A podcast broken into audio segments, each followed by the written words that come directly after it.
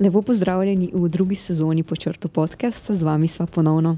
Nekoliko zarjavela ali raje rečeno uh, zamrznjena Leonard Kučič in Taja Topolovec. Naše preiskovalno delo in pripravo vsebina po črtu, tudi snemanje tega podcasta, omogočate bralci z donacijami. Na počrtu.si smo pravkar zagnali letno kampanjo zbiranja sredstev za 2019 s sloganom Ker je pomembno. In če menite, da je pomembno, kar počnemo, In to ni retorično vprašanje. nas donacijo po svojih zmožnosti podprite na počrtu.si slash podpri. Hvala. Zdaj ponavadi ni posebno pomembno, v kakšnih vremenskih okoliščinah snemamo naslednji podcast. Ampak Um, danes je izjema. Danes izjemajo. In sicer v, na počrtu smo se v sodelovanju z Evropsko mrežo za podatkovno novinarstvo v bistvu praktično zadnje leto Mhm. ukvarjali z enim obsežnim pro, uh, projektom, kjer smo se ukvarjali s tem, kako so se segrevala evropska mesta. Pridobili smo za več kot 100 milijonov podatkovnih točk oziroma meritev iz zemeljskih merilnih postaj, meteoroloških balonov, boj, satelitov, ki- jih je zbral Evropski center za srednjeročne vremenske napovedi, potem so sodelavci EDJ-neta to par mesecev programirali, filtrirali, modelirali, potem, da so se še prej posvetovali po kakšni metodologiji, in na koncu smo ugotovili to, da se mesta po Evropi v primerjavi s predindustrijsko dobo in letom 1900 segrevajo. Tako v tej analizi smo zajeli 558 evropskih mest, med njimi tudi Ljubljana in Maribor, na katere smo se potem osredotočili mi uh, na počrto v nadaljni analizi, kaj pravzaprav segrevanje mest pomeni za prebivalce in kakšni bi bili ukrepi. In za tele podcast sva si zadala tako ambiciozno nalogo, glede na to, glede na prejšnjo napoved, no, da je danes prvi zimski dan, zunaj je sneg, promet stoji, um, nama tukaj dela družbo Sibirski Haski. Bila sva navdušena, da so se lahko končno pogrela v topli pisarni, in zdaj se moramo pač um, posvetiti temu, kako čim bolj konkretno in plastično prikazati vplive globalnega segrevanja in vročinskih valov. Uh, zdaj, kar smo ugotovili skozi to analizo segrevanja mest, je, da so posledice segrevanja na nek način za prebivalce mest kontradiktorne. Po eni strani govorimo o tem, kar se imenuje vročinski valovi in uh, povečanju števila vročih dni letno, Uh -huh. povečanju sušnih obdobij, po drugi strani pa povečanju padavin in pa poplav. O tem, zakaj pravzaprav pride do takšnih vremenskih pojavov in uh, kako so pravzaprav vsi povezani z globalnim segrevanjem, smo govorili z Mojco Dolinar, klimatologinjo z Arso. Tam sem mogel zjutraj prvič uporabiti rokavice na kolesu. Pa vem, da je to tako čist psihološka finta, ampak a je na take dneve še kaj teže kot ponovadi opozarjati na segrevanje mest in podobnih fenomenov, ki je tako čist kontra našim čutom. Ja, sigurno ima trenutni vtis kar velik, uh, veliko vlogo pri posredovanju informacij. Ne, ljudje smo bistveno bolj dojemljivi za informacije o neki, ne bomo rekli, glih katastrofi, ampak o nekem problemu, ki se nam bliže takrat, ko smo mu direktno izpostavljeni, ko čutimo na svoji koži, da zna biti to za nas problem. Kar pomeni, če bi se zelo kuhala v vročini, bi bilo to bolj otipljivo. Eh, To bi bilo bistveno bolj utopljivo. utopljivo ja. Poleti, ne, ko smo sredi vročinskega valja, takrat imamo klimatologi najlažjo nalogo, da govorimo o podnebnih spremembah in globalnem segrevanju. Takrat vemo, kaj nas čaka, ne, ali pa občutimo, ka, kako naj bi bilo v bodoče. Kaj to pomeni za najbolj konkretno za Slovenijo ali pa Ljubljano, kjer smo zdaj? Največje posledice bomo sigurno čutili v poletnem času. Ne? Eh, V poletnem času bomo v bodoče morali srečevati tudi eh, z bolj močnimi vročinskimi valovi, kot smo jih že vajeni. Ne? Približno si že lahko predstavljamo, kako to zgleda, ampak bo pa še mal hujše. Eh, Pa še dodatno, dlje časa se bomo morali s tem ukvarjati. Ne? Bolj gremo proti koncu stoletja, bolj bo to poletno razdobje, v katerem nas lahko doletijo uh, vročinski valovi, dolgo. Ne? To pomeni pa, da Zna biti tudi več kot tri mesece vsega skupaj. Obdobje, v katerem se bomo morali srečati z vročinskimi valovi. Zakaj se to zgodi? V mestih je ta, lahko rečemo, kar učinek vročinskega vala še mal potenciran zaradi betona, asfalta, se pravi vseh teh pozinanih površin, ki, ki imajo najprej večjo, večjo sposobnost absorpcije toplote, po drugi strani pa tudi uh, so jo sposobne dlje časa zadrževati ne, in jo potem počasi se ohlajajo tudi preko noči. Ne.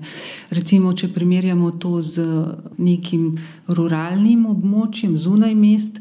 Je vsaj ta razlika, tudi če, če je tam vročinski val, da se preko noči nekoliko osveži. Medtem ko v mestih pa te možnosti ni. Ne. In to pomeni pa recimo za prebivalce, da se tudi preko noči ne morejo več spočiti. Ne. In če to traja dlje časa, ima pa lahko že kar močan učinek tudi na zdravje, sploh za občutljive skupine. Ker v vaših scenarijih recimo opozarjate, da po eni strani lahko pričakujemo več vročinskih valov in več suš, ampak po drugi strani pa tudi več padavin naenkrat, več poplav, več podobnih. Kako sta ta dva pojava povezana? Ja, ta, dva, ta fenomen, ne, ko, ko po eni strani mi govorimo, da bo več suš, po drugi strani več poplav, pa dvig temperature, pa tako naprej. Ne, včasih nam tako logično to ne gre skupaj.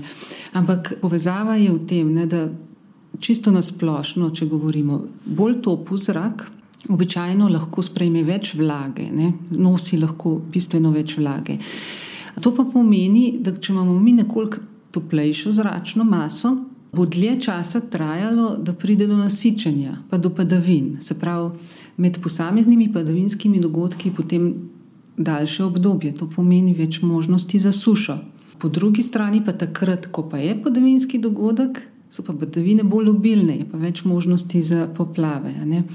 In v tem obdobju, ko se vlaga nabira, ne, sploh takrat, ko je pa potem zelo suh zrak, takrat so pa velike možnosti tudi za vročinske valove. V takih primerih se pa obstaja neka povratna zanka v podnebju, ko se v suhem zraku lahko zračna masa še močnejša ogriva kot v kakšnem bolj vlažnem zraku.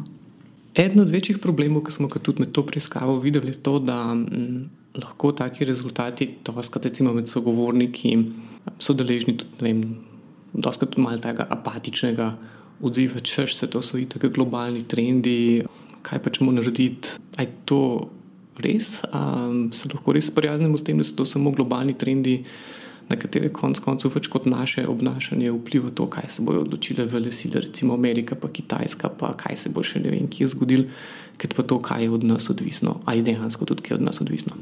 Ja, žal, v veliki meri smo v tem primeru res odvisni od politik, ker, ker je to globalen problem, je povezan res z globalnimi politikami.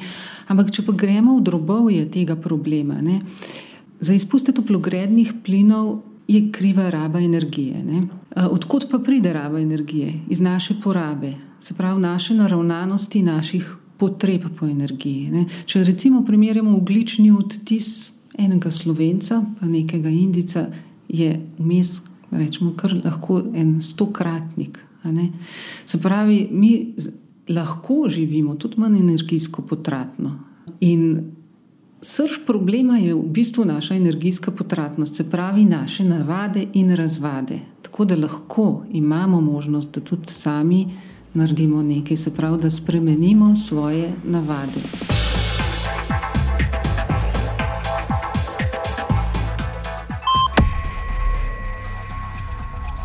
V naši preiskavi segrevanja Evrope smo se namenoma osredotočili prav na mesta. Razlogi za to so bili prvič urbanizacija, kar pomeni, vse večji del prebivalstva živi v mestih. Drugi razlog pa je, da so mesta precej bolj podvržena posledicam višjih temperatur, zaradi tega, ker imajo pač določene specifike. In sicer mesta se segrevajo bistveno bolj kot okolje. Zdaj, kar smo ugotovili, pa je, da posledično se tudi slabše ohlajajo, kar pomeni, da vremenski pojavi, kot so pojav vročinskih balov, dejansko najbolj prizadenejo mesta in pa prebivalce mest. Kaj to čisto konkretno pomeni? Naprimer, podatek za leto 2013, v vročinskih valovih v Evropi, ki so se zgodili leta 2013, umre 70 tisoč ljudi. Gre predvsem za smrtnost starejšimi prebivalci in pa temi, ki imajo že predhodne kronične težave, predvsem krvnožilne bolezni. O problemu vročinskih valov na zdravje in pa počutje posameznika in pa povečano smrtnost smo govorili z dr. Ano Hojs z Nacionalnega inštituta za javno zdravje. Ki je pa tudi ena od avtoric raziskave o vplivu vročinskih valov na javno zdravje.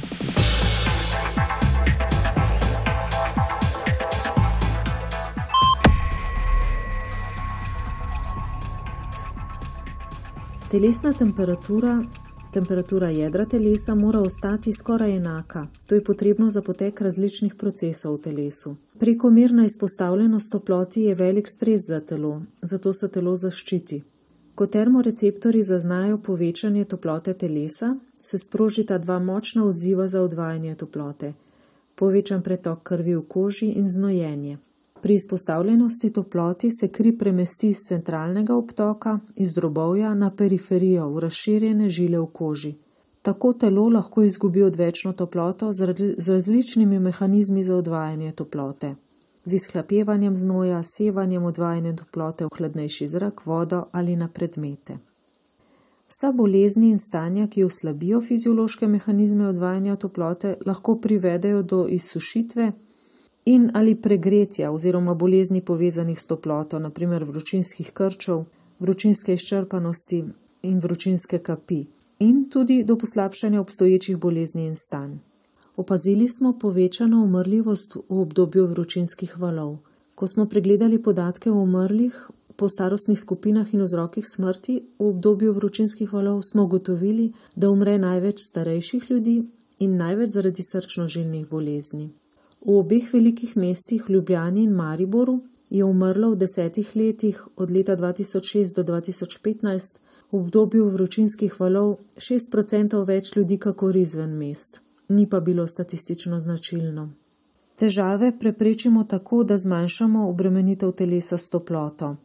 Na tri načine. Prvič, da zmanjšamo izpostavljenost toploti, tako da hladimo prostore, se omaknemo v senco ali v hladnejše prostore, drugič, da zmanjšamo nastajanje toplote, tako da omejimo fizično aktivnost in pa uživamo lahko hrano, in da tretjič, da telesu omogočimo odvajanje toplote s pravilno izbiro oblačil in zadostnim uživanjem tekočin.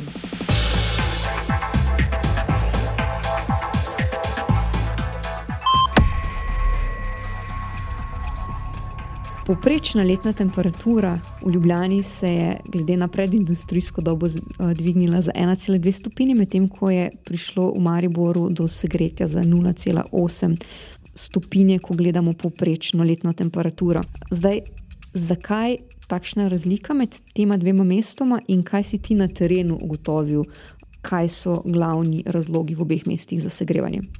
Ja, moji sogovorniki so zelo izpostavili, da gre za dve precej različni mesti prvič eh, sta različno veliki, drugič pa gre za različne geografske in druge dejavnike povezane z lego. Recimo Ljubljana je v Kotlini, Maribor ima precej večjo reko, travo, Ljubljana je slabo prevetrena. Pač skratka, veliko je enih takih dejavnikov, zakaj ni mogoče mest neposredno primerjati. Pričemer tukaj niti ni, vsaj v tej fazi ni bil tako pomemben vprašanje, zakaj razlike, ampak pač ugotovitve. Ljubljana se segreva hitreje in se je tudi uvrstila nekje v zgornjo tretjino med analiziranimi mesti, kar nekako nakazuje, da je segrevanje mesta za Ljubljano večji problem kot za Maribor. In v tej prvi fazi smo pač poskušali ugotoviti, predvsem, kakšne so posledice. Neki so jih naši sogovorniki že našteli, predvsem vročinski valovi in poplave, medtem ko v drugi fazi smo se pa hoteli predvsem ugotoviti, kateri so pa ukrepi, kaj lahko mesta naredijo. Kar pomeni, da okay, zdaj vemo, da se Ljubljana segreva hitreje kot predvsej drugih evropskih mest. Razlogi za to so do neke mere geografski, pa tudi recimo hitra rast je en tak zanimiv podatek, ki je bila Ljubljana na začetku stoletja skoraj desetkrat manjša kot danes, kar seveda pomeni veliko večjo pozidanost in vse ostalo. Ampak dejstvo je tako, kaj lahko mesta naredijo. In to je bil pa vprašanje za drugo fazo naše preiskave. Zato tudi o tem, kje pravzaprav lahko na posledice globalnega segrevanja, ki so v mestih še bolj izrazite, vplivamo z nekimi ukrepi, ki jih izvedemo na ravni mesta, smo se pogovarjali prav tako z Mojco Dolinar za Arso.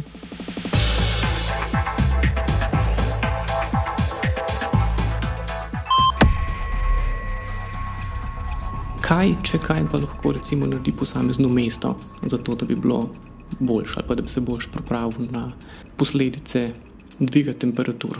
Prvo je to, no, da mesta so že zgrajena, ne, tako da tisti, tistega prvotne možnosti, da bi nekje iz nič začeli pa naredili idealno mesto, pač v večini primerov že ni, ne, samo pri novo, novih naseljih. Ampak se pa da tudi v obstoječih mestih določene prilagoditve narediti, predvsem s širjenjem zelenih površin tam, kjer je možno. Ne. Ampak kar moramo vedeti, ne posamezno drevo nam ne bo pomagalo. Treba je oblikovati neke zaključene, malo večje zelene površine, speljati vodo v mesta, če je to mogoče. Ne. Potem lahko naredimo kar precej tudi z oblikovanjem svetlih površin. Ne. Tudi kakšne so strehe v mestih, to ima lahko kar velik učinek na uh, podnebje mesta, ne? ker bolj svetle površine že tisto na začetku odbijajo energijo ne? nazaj v uh, atmosfero, tako da nimamo z njo probleme. Ne? Temne površine jo absorbirajo in potem se zadržujejo v mestu. Kar pomeni to, kar mislim, da so v New Yorku neki začeli, imajo en tak ambiciozen načrt, da bojo ne vem koliko milijon ali dva milijona streh prebarvali na belo, je to smiselno. E, to vsekakor je smiselno. Ja? Ma velik učinek na energijsko bilanco mest tisti, ki se ukvarjajo z vzdrževanjem zelenih površin, se praviloma ne ukvarjajo z energetsko bilanco stavb, pa ne barvajo streh. Tisti, ki barvajo strehe, večinoma um, ne skrbijo za drevesa, tisti, ki skrbijo za drevesa, se ne ukvarjajo z prometom. A je to tudi del problema? Sigurno je to del problema, ne? da se resori, ki bi morali skupaj ukrepati. Ne dobijo na enem mestu. Ne. V tem primeru jaz vidim rešitev bolj v politiki mesta. Ne. Tukaj pa ima politika svoj vpliv, da združi, da pripelje vse te strokovnjake na isto mesto in da se vsi potem skupaj ukvarjajo s tem problemom in iščejo rešitve skupaj, ne vsak parcialno. Ne.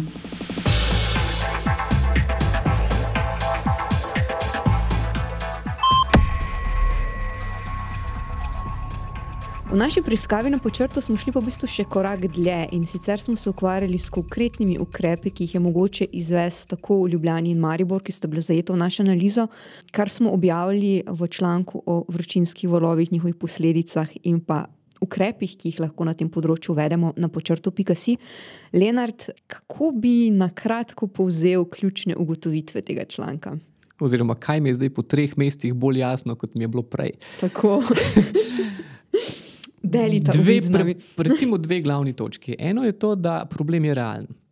Pridobili smo dovolj podatkov, ki kažejo, da se mesta segrevajo, predvsej bolj kot okolca, da bo to postal vse večji problem, tudi zaradi tega, ker se prebivalstvo stara in vse, kar pomeni zaradi posledic uročinskih valov, bo dejansko vsako prihodnje poletje najverjetneje ogrožen večji del uh, prebivalcev mest in uh, seveda je to en tak dober razlog, zakaj bi se mesta morala ukvarjati resno s tem problemom. Kar pomeni, problem je realen in obstaja. To je prva stvar. Druga stvar, ki je pa lahko tudi spodbudna, je pa to, da ne glede na to, da so to globalni trendi, da so mesta taka, kakršna so, da jih ni mogoče še enkrat zgraditi, ampak da pa kljub temu pa mesta niso nemočna, zato ker obstaja par močnih ukrepov in orodij, s katerim se lahko te posledice vročinskih valov bistveno znižajo, in glavne so pozelenjevanje, vodne površine in pa energetska sanacija. Vse to so ukrepi, ki lahko po eni strani bistveno znižajo, preverjeno, pač dokazano in izmerjeno, znižajo temperature mest in hkrati tudi precej izboljšajo kvaliteto življenja v mestih. Za strokovnjaki pa poudarjajo, da pravzaprav noben izmed teh ukrepov ne sme biti samo kozmetičen. Na področju pozeljevanja mest eh, ti v članku ugotavljaš, da nič nam ne pomaga, če posadimo tu in tam kakšno drevo uh, ali pa postavimo tu in tam kakšen ribnik. Ja, ali pa da se pohvalimo s tem, da imamo eno tako mehko zelenico, po drugi strani pa vabimo vedno nove nakupovalne centre, ki pa kar naenkrat so. skoraj vse najslabše na tem področju, kar je lahko, kar pomeni veliko prometa, veliko betonskih površin, slabo izolirana gradna, ogromno klimatizacije in segrevanja. Skratka, po eni strani mesta vabijo nakupovalne centre, gradijo parkirišča in podobno, na drugi strani se pa lahko pohvalijo s kakšno novo zelenico ali drevesom. Recimo, to je treba vedeti, da to absolutno niso zadost konkretni ukrepi za to, da bi imeli kakšne učinke. Torej, strokovnjaki podarijo, da kar pomeni pač sistemski ukrep tukaj je dejansko upeljava zelenih ekosistemov v mesta in ne samo posamičnih zelenih organizmov, ki dejansko ne morejo preživeti v betonskem loncu. Ja, zato ker pač drevesa v redu, ampak kot je povedal eden mojih sogovornikov, drevo je del nečesa. Drevo je lahko del gozda ali pa del gozda in travišča in še česa, ni pa to nekaj, kar boš zaprl v tak betonski lonček in ga postavil sred ulice, pa ne tam mečken živi, pa senco dela, pa po možnosti še izvaja fotosintezo, ohlaja in diha in ne vem kaj. Ne, pač konkretno a, v Ljubljani se pozna, ne vem, grajski grič, tivoli. Golovc in podobne površine, ne pa samo kakšno posamično drevo, ki ima nažalost bolj estetsko, kot pa tako ohlajevalno funkcijo.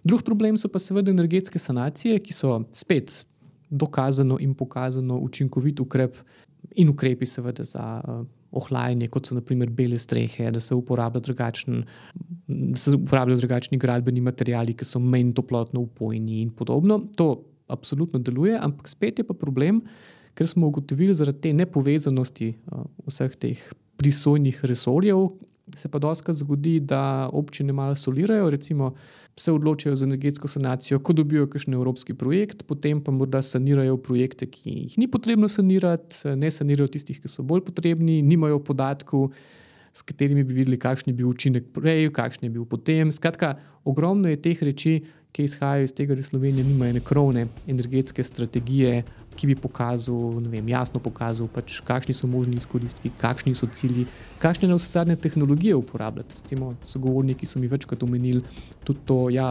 župan dobi evropski projekt in potem ima denar za sanacijo, se odloči, kaj bo saniral, recimo vrtec, tudi če ga ni treba. Uh, gre na javni razpis, dobi najcenejšega ponudnika, ta ponudnik pa recimo ker je slučajno tudi prodajalec vem, ali fotovoltaike ali uh, toplotnih črpalk, ali vem, biomase in peletov, bo seveda svojo rešitev tukaj noter upelu, tudi če ni optimalna za določeno okolje ali pa določen prostor. Te nepovezanosti in s tem tudi verjetno neučinkovite rabe denarja je verjetno v Sloveniji veliko. Zdaj, eh, čisto konkretno, naprimer, če se vrnemo na Ljubljano in Maribor, smo skozi različne analize, ki so bile narejene, med drugim tudi analize toplotnih otokov, ugotovili, da ima sta mesti dva konkretna problema teh toplotnih otokov, ki prihaja do največjega pregrevanja, ki pa sta malo različna za Ljubljano in Maribor. Ja, v Ljubljani so nekako najhujši nakupovalni centri, medtem ko v Mariboru je pa tako predvidljivo mestno in industrijsko središče, kar je verjetno tudi povezano s samim razvojem in gospodarstvom določenega mesta. Smo pa tukaj tudi ugotovili to, da recimo te toplotne otoki niso pomembni samo zaradi tega, ker so prebivalci tam bili izpostavljeni, ampak tudi naši dve glavni bolnišnici sta praktično sred teh toplotnih otokov in smo tudi v članku pač pokazali, konkretno v primeru Mariborske bolnišnice, ki je bilo letos poleti veliko časopisnih člankov na to temo, na kakšen način so se jim pacijenti in kirurgi kuhali.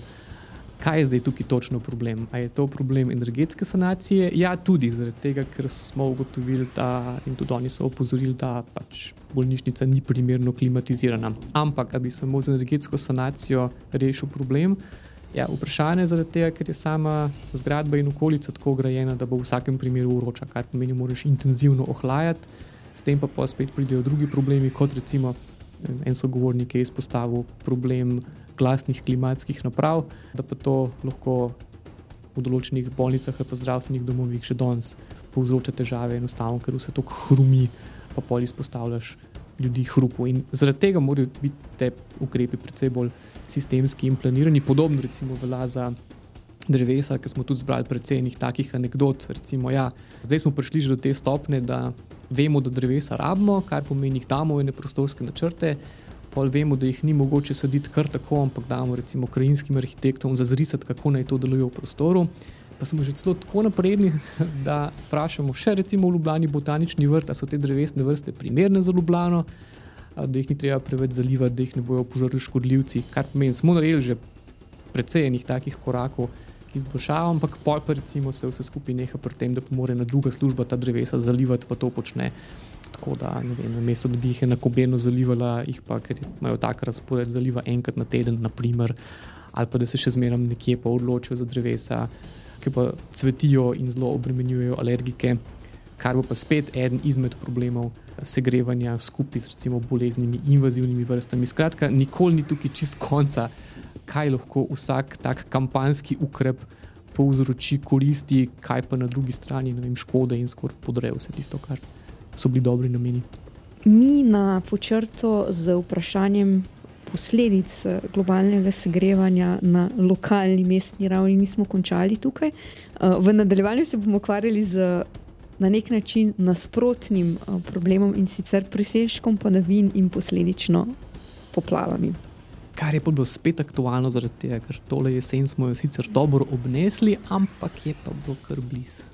Tega, ker pa spet, a, kot bomo pokazali v prihodnih člankih, sta pojava zelo povezana in tudi tukaj prihaja do zelo podobnega problema. A, in to je, da zaradi specifične geografske lege Slovenije imamo pač večjo poplavno ogroženost, ampak zaradi kampanjskih in neusklajenih del prostorske poselitve, gradbenih dovoljenj in podobno, si v bistvu sami a, delamo ene take tempirane bombe in poskrbimo za to, da bo vsaka poplava imela več škode.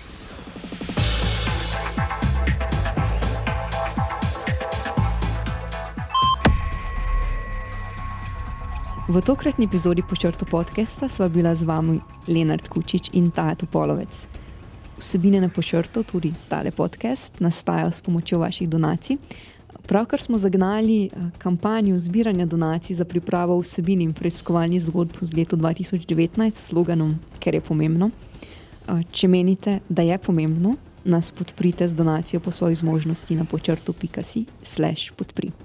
Naše vsebine lahko spremljate na počrtu.si. Za najno čim boljšo slišnost pa je tudi tokrat priskrbel Milan. Thank you.